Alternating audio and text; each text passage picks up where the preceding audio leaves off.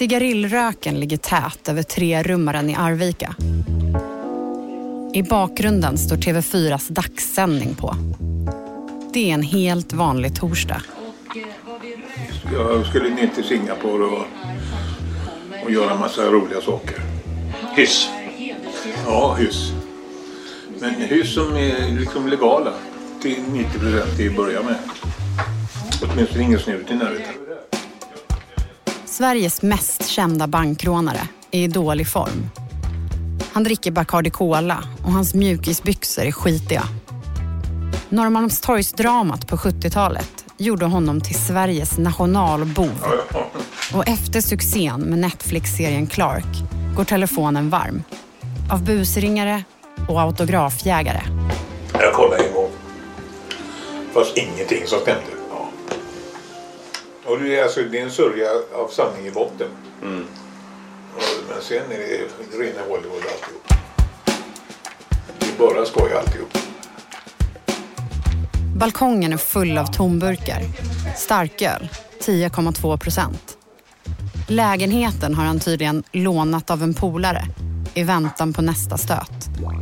I tidningsstället ligger en bajonett. Mm, ja, just det. Men det är inte Clark Olofsson den här historien ska handla om. Det gäller att hitta grejer också som inte nämnda tidigare. Det är väl den största utmaningen. Det här är Leffe. Sen gräva lite mer. Han är i Arvika för att tanka Clark på information, snabbskriva bankrånarens memoarer och slå mynt av hypen kring tv-serien. Det, jag, ska vara klart i maj. Så det går nog. Leif, Leffe, Grimwalker. Det är mest tiden jag är orolig för i och med att jag har så många andra projekt. Och det blir en utmaning, men det går nog bra. Det är honom och hans fru Caroline som den här historien handlar om. Från dagens nyheter. Det här är Spotlight. Idag om paret Grimwalker. Bokrebellerna vid kommersialiseringens frontlinje. Jag heter Evelyn Jones.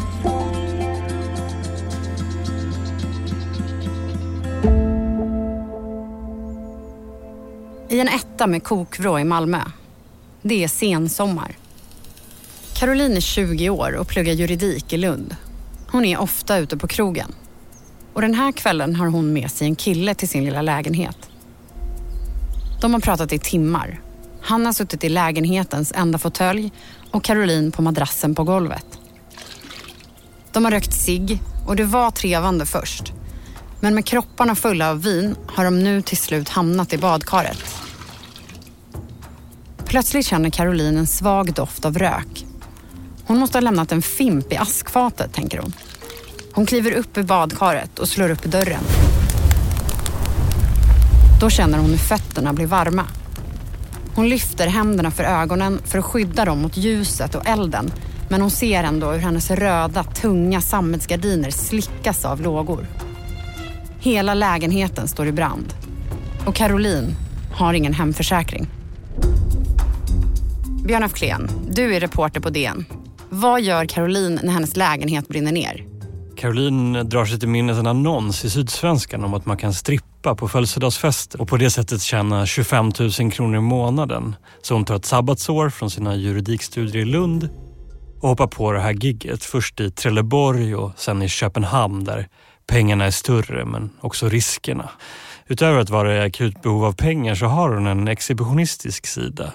Hon njuter av att få visa upp sig och, och på det sättet stärks hennes självkänsla av den här erfarenheten. Även om hon också är full sex dagar i veckan och varnar för att fastna. Samtidigt i Stockholm, där bor 29-åriga Leif. Han jobbar som elektriker. Han har växt upp på samhällets skuggsida. Gjort inbrott, snott bilar, muddrat personer på klockor, kontanter och smycken. Allt för att få in pengar. Och så börjar han skriva på nätforumet Flashback. Ja, Leffe han utmärker sig som en färgstark kommentator bland annat på Flashbacks kriminella forum. Och det är en mellanhand där som uppmanar honom att eh, söka sig till en skrivkurs under en man som heter Sören Bondesson som har hjälpt bland annat Jens Lapidus att hitta sin röst.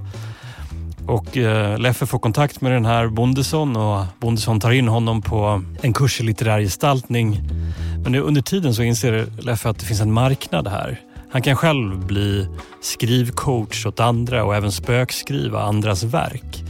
Och eftersom han kan skriva väldigt snabbt så dumpar han priserna och hittar snabbt en marknad. Till slut har han 4500 kunder. Och det är genom den här erfarenheten, spökskrivarerfarenheten, som han lär sig att skriva mycket snabbt. Och snart korsas Carolins och Leffes vägar. Hur då? Caroline bestämmer sig för att bryta upp från Köpenhamn när, när en av hennes kollegor blir mördad av en svartsjuk pojkvän. Det går några år och Caroline bestämmer sig för att skriva om erfarenheten i boken Champagneflickan, en svensk strippa berättar. Det blir en kommersiell succé och hon gör en uppföljande bok. Eh, en komedi som heter Fru Bengtssons andliga uppvaknande.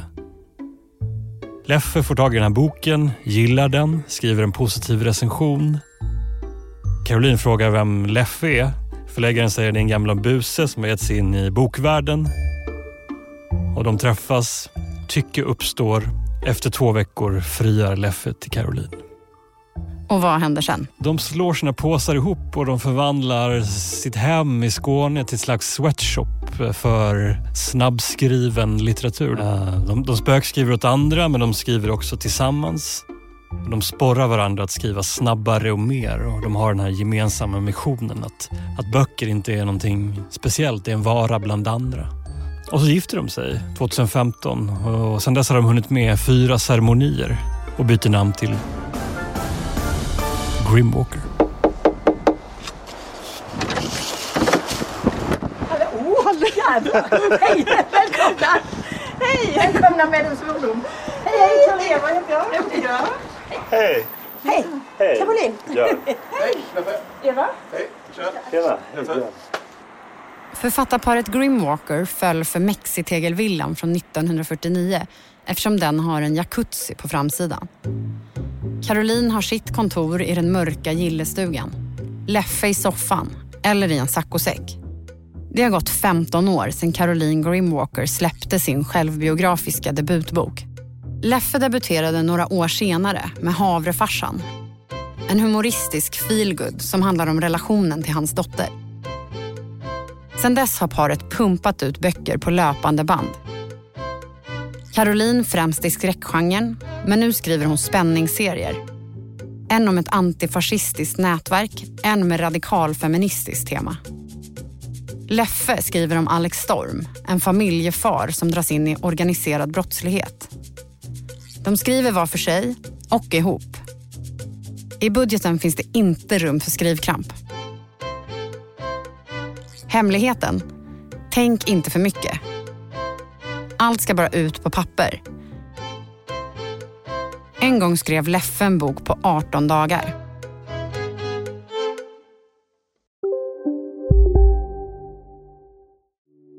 Hej, Ulf Kristersson här.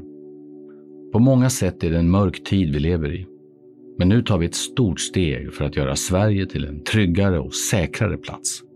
Sverige är nu medlem i Nato. En för alla, alla för en. Vi är specialister på det vi gör, precis som du. Därför försäkrar vi på Swedea bara småföretag, som ditt. För oss är små företag alltid större än stora och vår företagsförsäkring anpassar sig helt efter firmans förutsättningar. Gå in på swedea.se företag och jämför själv.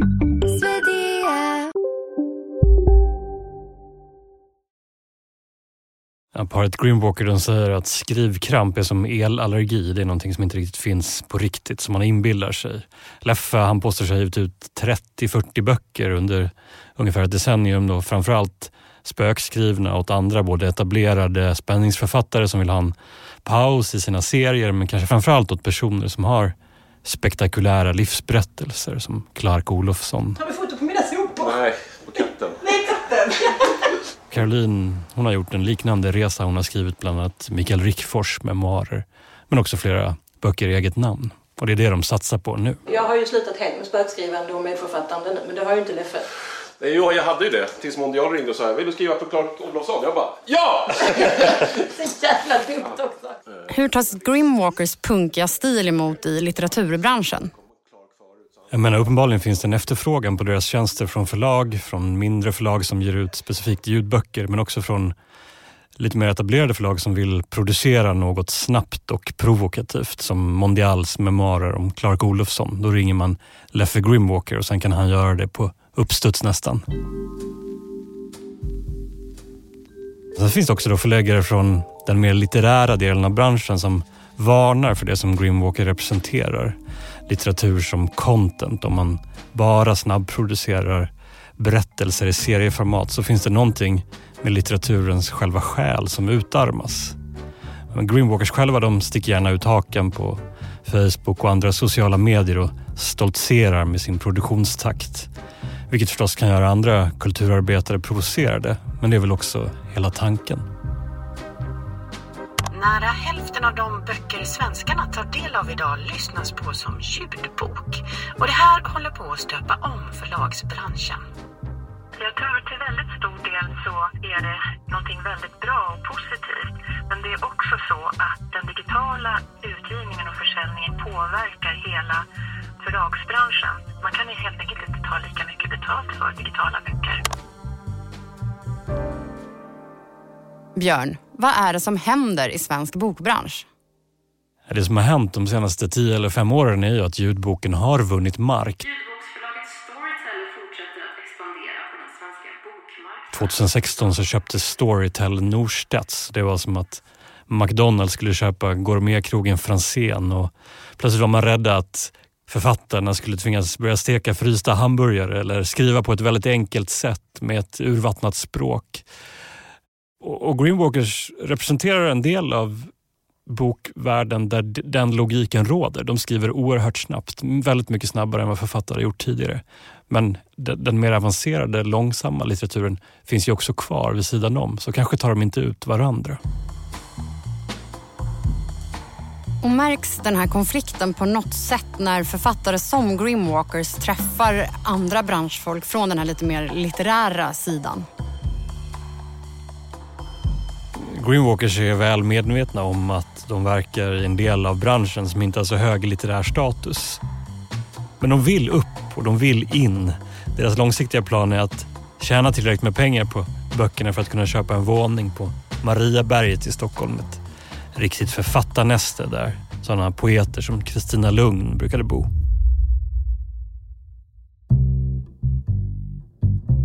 Paret Grimwalker har ju hittat fram till sina läsare i symbios med ljudbokens utveckling. De har framförallt sina läsare på Storytel och andra ljudboksplattformar. Samtidigt ligger Sverige lite före andra litteraturmarknader runt om i Europa och övriga världen. Och Greenwalkers som är tekniktillvända, de tänker sig att de ska surfa på den här ljudboksvågen när den drar fram genom mindre mogna marknader runt i Europa. Ja, men jag tror att om tio år så är det mycket mer ljud.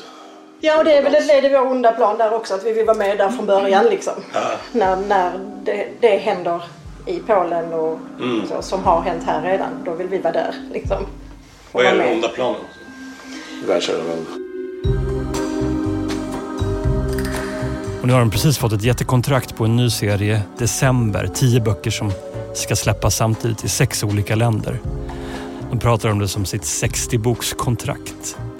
Och den intrigen till december kläckte de över en pizza. Men vi gjorde ju så när vi skulle skriva december. Sen vi knallade bort till pizzerian här och satte oss med varsin öl. Och så bara, nu ska vi skriva en serie. Vi har kommit på att vi ska bygga en stad som heter December som är en gammal, gammal gruvarbetarstad liksom. Hopp, satte vi oss där i två timmar och efter två timmar hade vi byggt liksom sju av huvudkaraktärerna och synopsis lite rough för tio delar. Vad ska den stora hemligheten vara? Vad ska twisterna vara och sådär.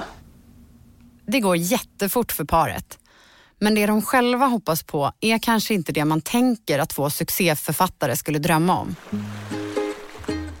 En vit sandstrand på en tropisk ö. Det är där paret Grimwalker ser sig själva ligga och sippa paraplydrinkar medan en AI-robot skriver böckerna åt dem utifrån Leffe och Carolins parametrar. Jag tror det kommer om två, tre år så skickar vi in manus, sen trycker de på en knapp, sen finns det på alla språk inom en timme. Om två, tre år tror du? Ja. Mm. Jag tror att det går, alltså det går så, expo, så extremt fort nu med AI och allting. Många skribenter och författare kanske är rädda för att bli ersatta av en robot men Leffe han ser fram emot det här och morgonen efter att jag hade intervjuat honom så skrev han till mig på Facebook att Fatta drömmen medan jag ligger och pillar naven på Bali kan jag släppa hundra böcker per år.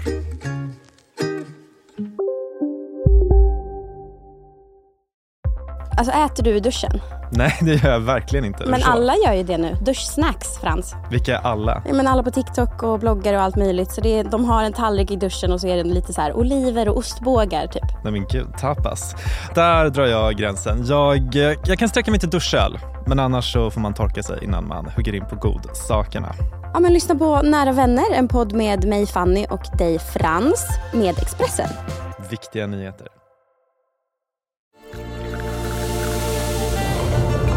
Välkommen till Maccafé på utvalda McDonalds restauranger med Baristakaffe till rimligt pris. Vad sägs om en latte eller cappuccino för bara 35 kronor? Alltid gjorda av våra utbildade baristor.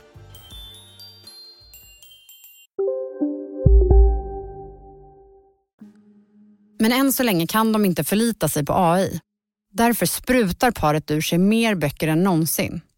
De vill komma ikapp andra stora författare. De som tjänar mest, typ deckardrottningarna Camilla Läckberg och Sofie Sarenbrant. Jag ska skriva 15 böcker i år. Det är... Nu börjar det bli mycket, det känner ja, jag. jag känner att jag börjar bli trött. Vi har varit så jävla kaxiga och bara, och det är inga problem. Mm. Nu känner man så här, fan nu blandar jag ihop det. Vem är nu den här personen och den här karaktären då? Ja, men Leffe han vill in på A-listan som man säger. Han vill komma ikapp Läckberg och de här andra 12-taggarna som började före honom. Och för att göra det så måste han gödsla marknaden med fem, sex böcker varje år. Han vill skapa sig en backlist som är lika stor som Läckberg och Sarenbrants. Han säger, jag kör arslet av mig nu och går in i väggen om två år. Och då har AI kommit ikapp. Sen ska han ligga på Bali och se sina automatiserade böcker spridas runt världen. Miljonerna ska rulla in. Och en av de böcker som Leffe ska skriva är den om Clark Olofsson. Leif ska åka upp till, vad var det, Alvesta? Arvika. Arvika och vara där ett par dagar med Clark och bo liksom. Ja. Och det kommer ju sluta med att ni rånar en bank. Clark Olofsson lutar sig fram i fåtöljen och tänder ännu en filterlös Bellman.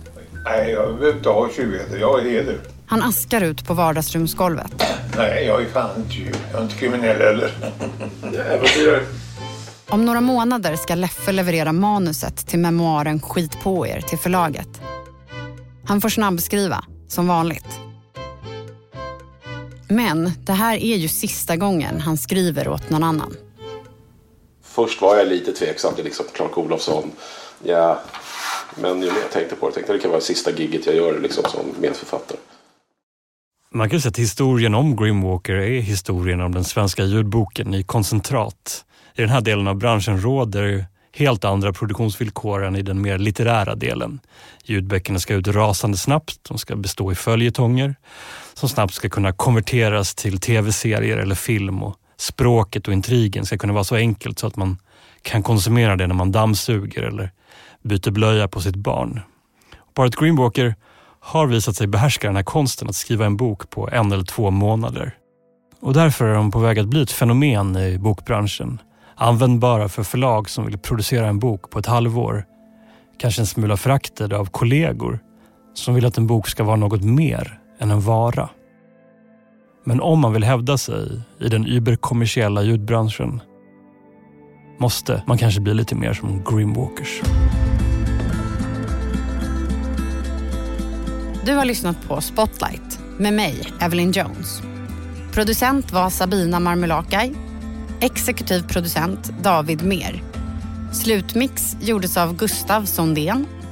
Originalmusiken är komponerad av Patricio Samuelsson. Ljudklippen i avsnittet kom förutom från DN också från Sveriges Radio.